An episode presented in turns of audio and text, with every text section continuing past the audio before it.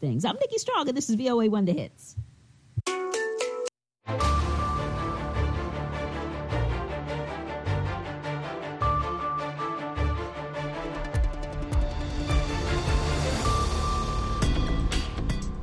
halkani waa laanta af soomaaliga ee v o a oo aad ka dhegaysanaysaan mawjadaha gaagaaban efimada geeska africa iyo caalamka oo dhan oo aad nagala socotaan v o a somaly com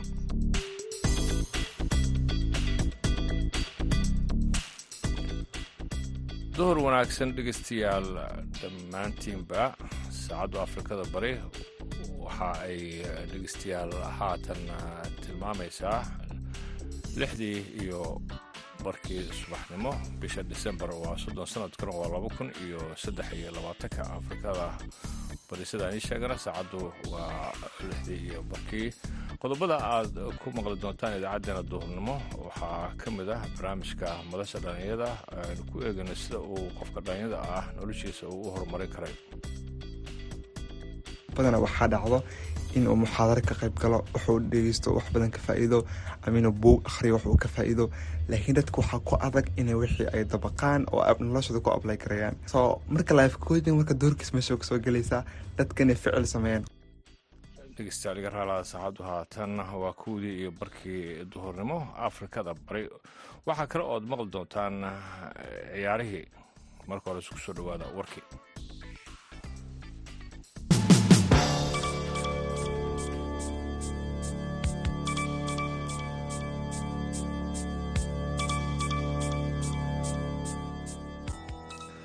taangiyada israa'iil iyo duyradaha dalkaasi israa'iil ayaa waxa ay garaaceen khan yunis ee marinka khaza dadka deegaanka ayaa sheegay sidaasi. Kadib markii ku dhowaad laba boqol oo qof la sheegay in lagu dilay afar iyo labaatan saaco gudahood ololaha israa'iil ee ka dhanka ah mintidiinta xamaas sida ay ku warantay wakaaladda wararka ee royters dhawaaqa rasaasta ayaa waxa uu muujiyey dagaal u dhexeeya ciidamada israa'iil iyo mintidiinta xamaas ee khan yunis sida ay sheegeen qaar ka mid a dadka deegaanka. Diyaado ayaa sidoo kale tuduqeyno isdabajooga waxa ay ka geysteen xerada nusret ee bartamaha marinka gaza sida ay sheegeen dhakhaatiir iyo suxufiyiin falastiiniyiina ciidamada israa'iil ayaa duqeyno ku hayay khan yunis iyagoo isu diyaarinaya inay ku sii siqaan oo galaan magaalada ugu weyn koonfurta ah oo qeybo ka mid ah ay qabsadeen horaantii bisha. Kooxo falaaga ah oo iyagu u dagaalamayay tobannaan sano sidii gobolka asam ee waqooyi bari indiya ay ugu xoroobi lahaa xukunka new delhi ayaa waxa uu heshiis nabadeed la seexday dowladda indiya oo ballan qaaday inay kooxdaasi waaye in ay soo afjarayso kacdoonkeeda gobolka. Jabhadaasi u l f a oo uu hogaamiyo arabinda rajkova ayaa waxaa la sheegay in ay soo gebagabeeyeen wadaxaajood laba iyo toban sano ah oo ay la lahaayeen dowladda indiya xafladda siixa heshiiska oo ka dhacay new delhi ayaa waxaa ka soo qayb galay wasiirka arrimaha gudaha indiya amit shah iyo mas'uulka ugu sarreeya ee la doortay ee gobolkaasi asam ximinta biswa sarma. Si kastaba ahaatee garabka xagjirka ah ee kooxdaasi gacansaarka lale uu hogaamiyo baresh brua ayaa qayb ka ahayn heshiiskaasi baruwa ayaa la rumaysan yahay inuu ku dhuumaalaysanayo meel ku taala xadka shiinaha iyo mayanmar sida ay ku warantay wakaaladda wararka indiya ee bress trust. Warkeena dhegeystayaal waa nageentaas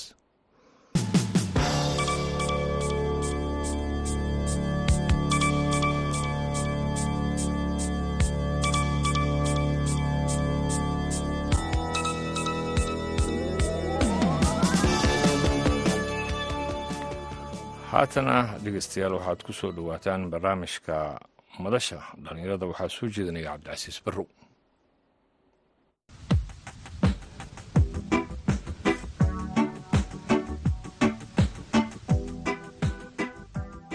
Nabad dhegaystayaal ku soo dhowaada barnaamijka madasha dhallinyarada waxaan ahay cabdilcasiis barrow waxaan joogaa magaalada muqdisho. Toddobaadkan guud ahaanba barnaamijka waxaynu ku soo qaadanaynaa tababarinta nolosha iyo weliba horumarka qofka bini-aadanka uu samayn karo. Sannadihii ugu dambeeya soomaaliya waxaa jiray dad aqoon-yahana oo bulshada wacyigelin u sameynaya kuwaasi oo tababarayaal nololeed ah. Dhallinyaradaasi aqoon-yahanka waxaa ka mid ah maxamed mursal oo jooga magaalada muqdisho. Maxamed mursal dhowaan ayuu qaatay shahaado ku saabsan arrimahaasi kadib markii muddo uu daraaseynayay arrimaha la xiriira horumarinta nolosha iyo tababaridda bulshadaba ugu horreyn barnaamijka waxaan rabaa inaan ku soo dhaweeya maxamed mursal. Maxamed marka hore soo dhowow bal dhegaystayaasha ee barnaamijkan ku xiran. Waxaad u faahfaahaysaa maxamed mursal waa kuma inagoo guud ahaan u iman doona waxyaabaha la xiriira tababarka nolosha iyo horumarka aadanaha intaba cabdixasiis aad aad waa mahadsan tahay waa ku dhowahay v o a.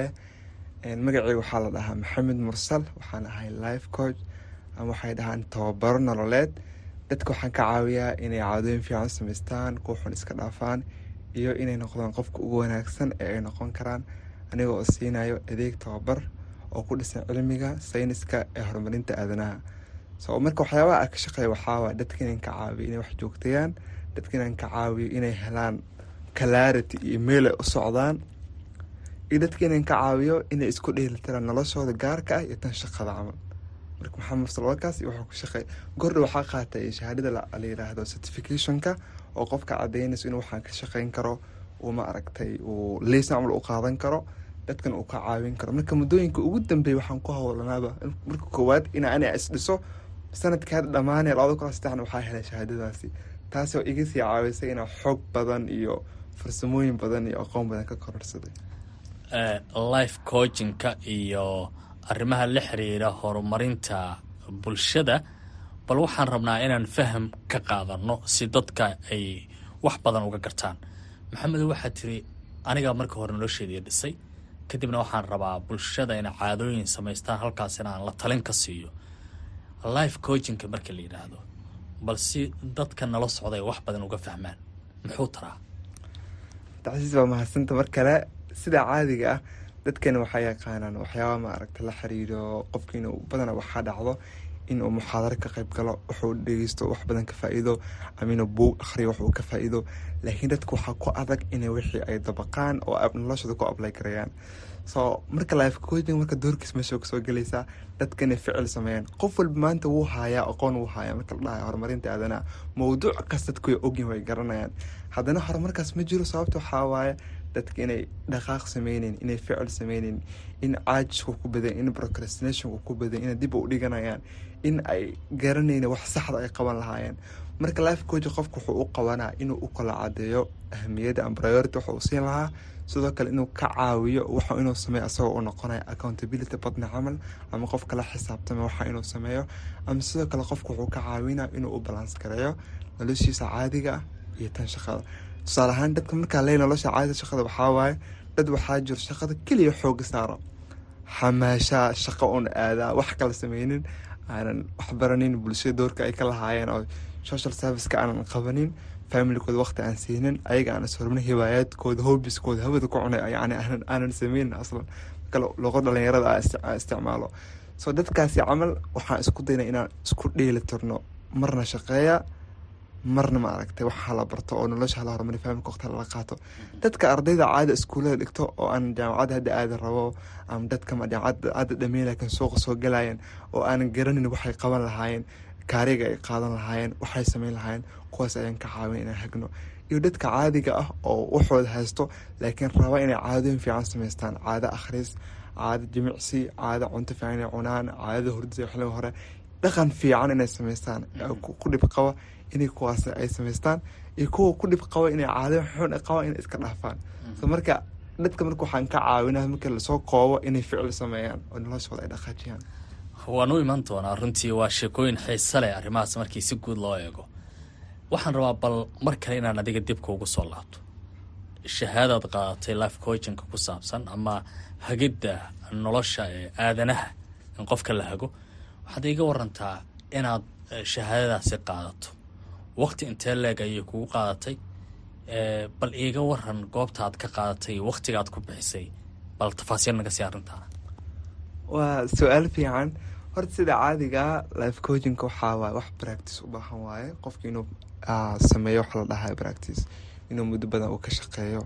Xitaa cilmiga sida caadiga waxaa ka sii macno badan inaad leedahay waxa la dhahayo clients fara badan oo aad la shaqeynaysid experience fiican aa u leedahay so marka marka koowaad ani markiiga horeba aslan waxaa ka shaqeyn jira mawduuca horumarinta aadanaha waxa un bahawnaa un keliya wax la dhahay certificationka inaa helo oo wax un heera hagaagsan inaa yara helo. So marka waxaa jirto marka hadda la joogo internetka waxaa jirto waxaa la shirkado badan ay skillshare ka mid tahay jirto oo bixiyaan certificationka.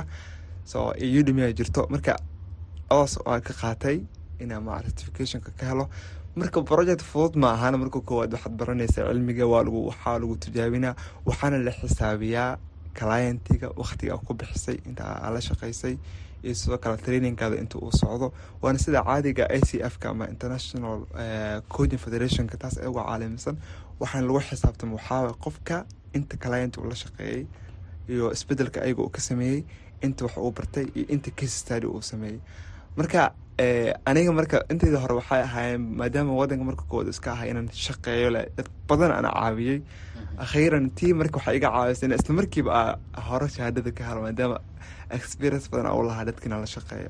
Taasaa iga caawisay laakiin dad badana waxaa jira markii la soo hadal qaado arrintan horumarinta aadanaha hagidda nolosha dadka ka shaqeeya ama life coachingka aad sameynaysaan oo kale waxaa jira dad waayadii ugu dambeysay siyaabo kala duwan loogu arkay social media ama baraha bulshadu ay ku kulantay xagga internetka oo waxyaabo aan maangalahayn.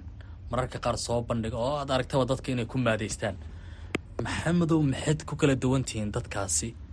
Iyo qofkan arrintan sida cilmiga u bartay maxaa kala duwan nala wadaagi kartaa aada iyo aad. Waa su'aal aada u fiican waaye. Waa run baryahantan mid ay ka jirto dadka maaragtay dhiirigelinta ka shaqeeya in maarata yaro jafa la leeyahay yani waa sameyn kartaa yani dadka oo lagu yara lagu yara duraya ay jirto.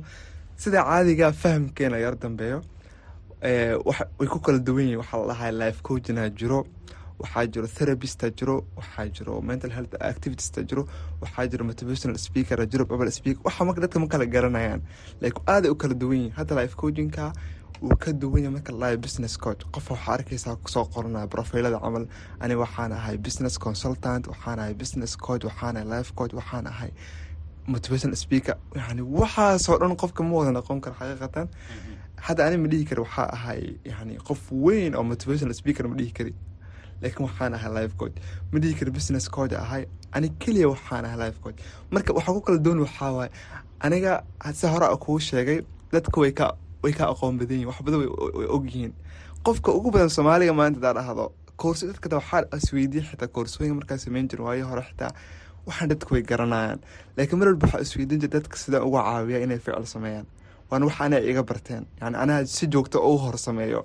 Hadda baraha bulshada waxaa ku soo gudbiyaa aniga dhisto caadooyin ayagoo arkayaan in front of them ku samaystaa boqol iyo sideetan maalin oo maarata waxaa tusaya inaa akhriska aan joogteyn karo marka dadka marka way ogyihiin taasna waxaa iga caawisay in dadka ficla ay sameeyan inay iga caawisay inaan gaaro dhowr wadan tusaale ahaan inaan gaaro ingiriiska inaan gaaro u k inaan gaaro qof u k inaan kala shaqeyn akhris u samaysto qof zambia joogo qof joogo ethoobia qof joogo nairobi kenya joogo dhammaantoodma soomaali baa marka? Yes dhammaanta soomaali waaye. Lan anaa af soomaali ku hadla hadda ma u malaynayay ama inta hadda aniga ogahay ma jiro oo malaynaya qof certificationkaas haysto camal oo life coaching ku shaqeeyo. Life coaching keliya ku shaqeeyo.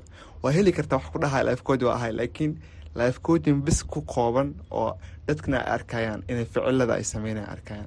So marka waxa ku kala dooni waxaa waaye aniga ma dadka life coachingka ma hadla ma warbadno keliya afcaal ay qabtaan actionka ay sameeyaan dadka inay ficil qaadaan dadku ognahay inay cilmi leeyihiin laakiin waxa ka maqan keliya waxaa waaye joogteyntii inay ficil sameeyaan. So taasaa kala shaqeyn anaga waa gartay waa waa runtii sheeko xiiso badan. Tusaaloo kale marka qofka uu caado ay ku adag tahay inuu iska jaro maxaa la gudboon kara inuu sameeyo? Sidee u joojin karaa? Qofaad saamaleyla hurdadii oo aan jiifan xilli hore subaxi shaqooyinka inay aadaan ay ku adag tahay. Saameyntii internetkana waa jirtayo taleefanadii gacanta lagu wada hayaa weli waxaa ugu badan waa dhalinyarada oo qabatimay taleefanadii ay dhegtid ku noqday. Arrintaas sidee xal loogu heli karaa baad is leedahay. Marka adinka aad rabtaan inaad tusaale maxamed oo rabo inuu wax ka bedelo qofkaasi jid noocee u maraysaa? Waa su'aal aada u fiican. Waxyaabaha sidoo kale aan ka shaqeyna waxaa dadka inay iska dhaafaan dhaqamada xun camal sida waxyaaba la xiriir bonografiga waxyaaba maaragta iska qaab ka darano addictionka oo la xiriiro social media camal soo badan laba qaaba isticmaalnaa. Marka koowaad qofka inaan dareensiino inuu si wax ka soo ogaado. Tusaale ahaan dhibka jir waxaa waay dadka had joogo. Way ogyihiin in la qabsiga social mediaha ama qofkiina habeenka uu dhafracma dhib ay ku hayso. Yani haddee kule dhib mataqaana dhibka ay leedahay in habeenka wuu ku sheegi karaa. Laakiin markuu dhahayo asi ahaan dhibkuu ku qabo wuxuu kuleeyahay waxay hoos u dhigtaa wax soo saarka qofka. Laakiin ma dhahayo inaa habeenkii dhafro wax soo saarkeyga ay wax u dhinta ma dhahay asi aan uma hadlaayo so talaabada kood waxaan dhahnaa waxaa wax ka soo dhegeysataa aan dhahna sida caayatalada guud aan bixiy mar walba dadkana u sheegana waxaa waaye. Oo dadka aanan ka iibanin haddii qofka caado xun ku dhib qabo talaabada kood waxaa waaye inuu ogaado uu soo baaro dhibkaasi ay ku hayso inuu muxaadaro ka dhegeysto inuu buug uu ka akhriyo inuu article u ka akhriyo inuu bodcast ka soo dhegeysto inuu qof uu kala hadlo inuu ogaado dhibka ku hayso inuu journaling ka sameynto kilis meel uu fariisto. Talabada xigtana waxaa waaye in uu wax la dhahayo kiuga ama ama wax keenayo aslan ku soo xoosa in meesha uu ka saaro. Oo mar walba ula qabsado qof maaragtay accountable uu la raadiyo qof koodin uu isticmaalo. Way dhib badan tahay qofki inuu joojiyo waxyaabaha qaar maadaama uu yani distractionka uu badan yahay laakiin with the help of a coach qof coach markuu ku caawinaya camal way fuudina waxaa iska daysid. So marka sida guud la iska daya kow dhibkaada garo. Dhibka adi ay kugu hayso. Ma aha dhibka jiro ay leeda ma aha dhibka adi ay kugu hayso. Ogow kadibna hore u soco marka waxaa qof coach kala shaqeeya keligaana hana qorsan keligaana ma aragtay. Binacli ha isku sii daynin. Runtii qof caade arrin ay ku hayso isagaba ay ku adag tahay inuu jiro. In lagala shaqeeyno waxaasi jiro waa wax adag. Soo uma baahno dulqaad in dadka loo sameeyo. Qofkii ballamihii mararka qaar kumaadkaadan inay ka soo baxaan. Adiga waxaase samir ugu yeelan kartaa horta aniga hadeerta inta ugu badan aan la shaqeeyo dadka soomaalida badan waxaa soomaaliga sida caadiga qofka inuu maaragta caado xun uu ku weydiisto igala shaqeeya ama yara adag tahay maku dhahayo uu kala xishoonaya laakiin hadda anaga wax ugu badan dadka kala shaqeyna waxaa waaye inay wax joogteeyaan inay caado fiican samaystaan.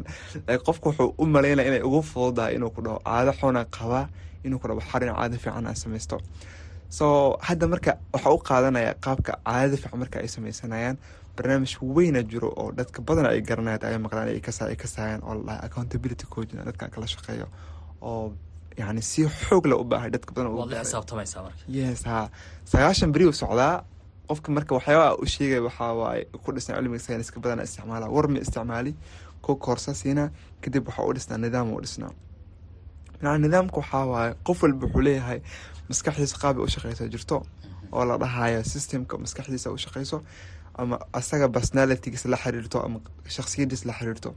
So waxaan siinaa suaalo su'aala ah oo maarata form u buuxiyo qofka waqti badan oo soo qaata laba maalin camal waxaan su'aalada ku soo buuxi kadib interviewa marsiinaa kadib koorsa siinaa kadib waxaa u dhisna nidaam. Nidaamkaas marka waxaan tijaabinaa sagaashan maalin oo isku xigtaa tijaabinaa oo toban toban bir u kala goosan tusaale ahaan tobanka maalin keliya waxaa sameysaa inaa shan daqiiqa maalin kas wax akhrisid camal. Marka mar walba waa la koriya tobanka waa la sii kordhina waa la sii kordhina qof markuu sagaashan beri uu gaarayo harad baas la qabsanaa wuxuu uu rabo inuu sameysto waxyaabaha ugu badane hadda marka dadka aad ka saxdaan ma in wax la akhriyaa ugu badan ma waxaa ugu badan hurdadii oo kale waqti hore in la seexdo. Waxyaabaha ugu badan ee dadkan aad xiriirka la samaysay qaarna ingiriiska joogaan qaarna sambiya joogaan qaarna soomaaliya joogaan waxaa ugu badanoo maxamed aad kala shaqayso adiga maxay okay aniga sida caadigaa dadka waxaan kala shaqeynaya wax fiican ay samaystaan yani maku dhahay wax ugu badana dadka ay weydiiyaan waxaa inay wax fiican samaystaan caado fiican samaystaan. So marka caadooyinka waxaa ka mid a badanaa dadka ugu badan aan kala shaqeeyo. Maxay soomaalidu raadiyaan? Akhriska. Akhriskay raadiyaan waana wax fiican waa dadkina akhriska ay raadinayaan oo inta badan ay ku dhahayaan. Ani akhriska ku dhib qabaa ma aqaani ma waxaa batay wacyiga la xiriira akhriska ama kuwa kale jimicsiga maxaa ina cuntada nutritionka la iska saxa camal in ma aragtay uu qofka journaling sameeyo ayaga wacyigooda inuu hooseeyo u badan. Laakiin akhriska waxyaaba dadka baraarug fiican ay ka haystaan oo ka mid ah dadka ay rabaan inay samaystaan qof walba wuxuu inuu buug akhriyo horumar uu sameeyo rabaa. So dadka marka ugu badan ay iweydiiyaan waxaa akhriska kala shaqeeyo. Mise waxaa laga yaabaaba inay ay kala socdaan. Aniga reviewga aan sameeyo iyo akhriska muddada dhan ani aan ka shaqeeyo. Marka xitaa dadka waxay u yaqaanaan akhriska ugu kasaayaan so akhriskaasa laga yaabaa xirtay. Yes. Maxaad rajeynaysaa mustaqbalka? Haddii aan su'aashaasi mid kale weliba kuusii daba dhigo inagoo gabagabadii joogna life coachinka ma lacag baa laga helaa. Si gaar adigu ma doonaysa inaad ka samayso. Okay waa su'aal fiican. Life coaching waa kaariyer waa sida caadi u la mid yahay. Dadka wax ka shaqeey qof walba shaqeeya u la mid yahay. Yani waa shaqo oo qof practice garina waaye. So haa dadka lacaga ka qaadnaa free uguma shaqeyno. Wax kasta aan sameyno waxaa oo coachinka la xariir lacag waaye.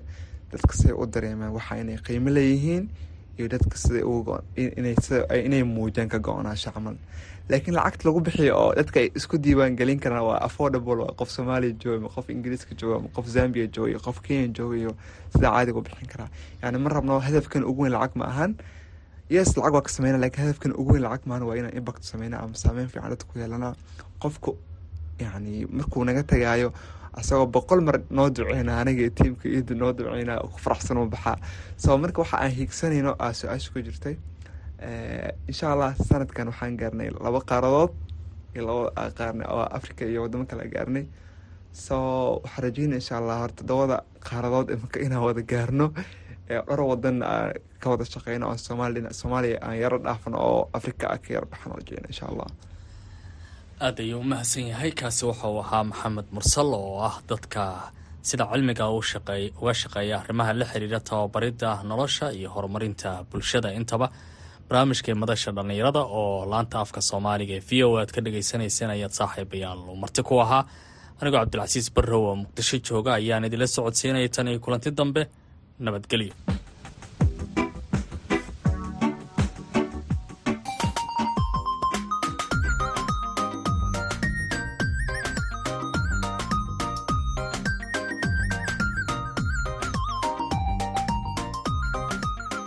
bandhiga v o a. Barnaamijka bandhiga v o a waa barnaamij oo idinku tala gashay laanta af soomaaliga ee v o a bandhigga v o a waxaad khamiis walba kaga bogan kartaa qormooyin kala duwan oo la xidhiidha taariikhda iyo aqoonta guud dhaqaalaha sharciga iyo samafalka.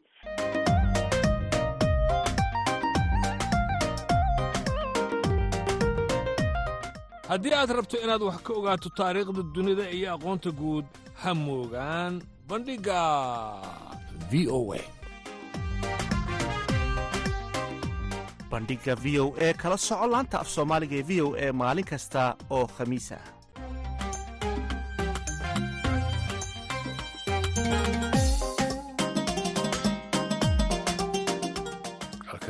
weli nagala socotaan waa laanta af soomaaliga v o a ee washington.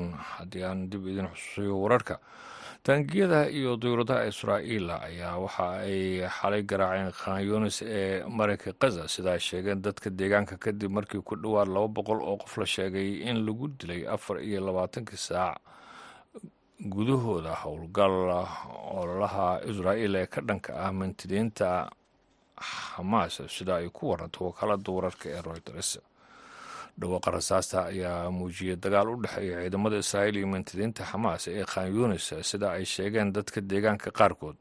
Diyaarado ayaa sidoo kaleeto duqeyno isdabajooga waxay ka geysteen xerada nasared ee bartamaha marinka gaza sida ay ku warameen dhakhaatiir iyo suxufiyiin falastiiniyiina ciidamada israa'iil ayaa duqeyno ku hayay khan yunis iyagoo isu diyaarinaya in ay ku sii siqaan o galaan magaalada ugu weyn koonfurta oo qaybo ka mid ah ay qabsadeen horaantii bishan.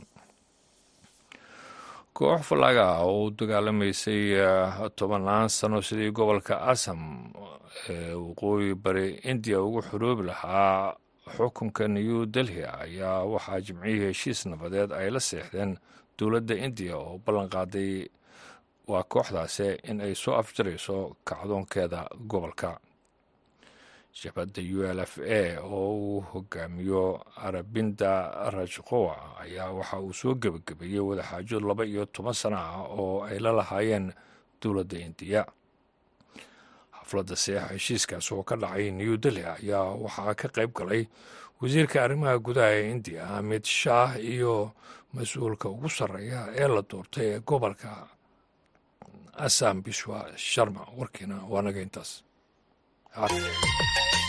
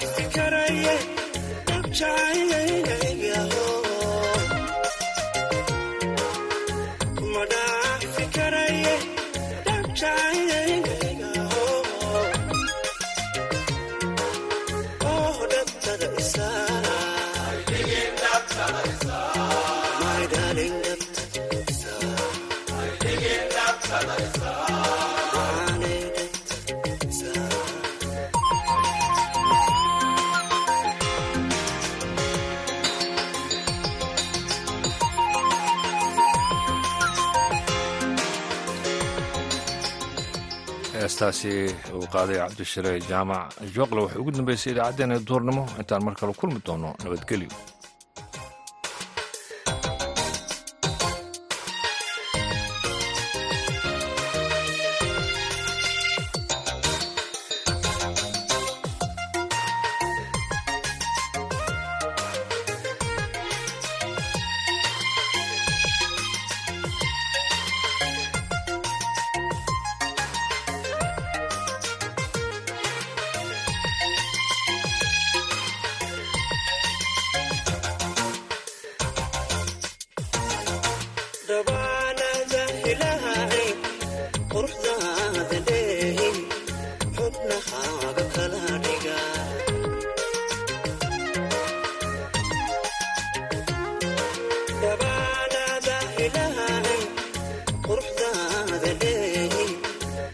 Oklahoma.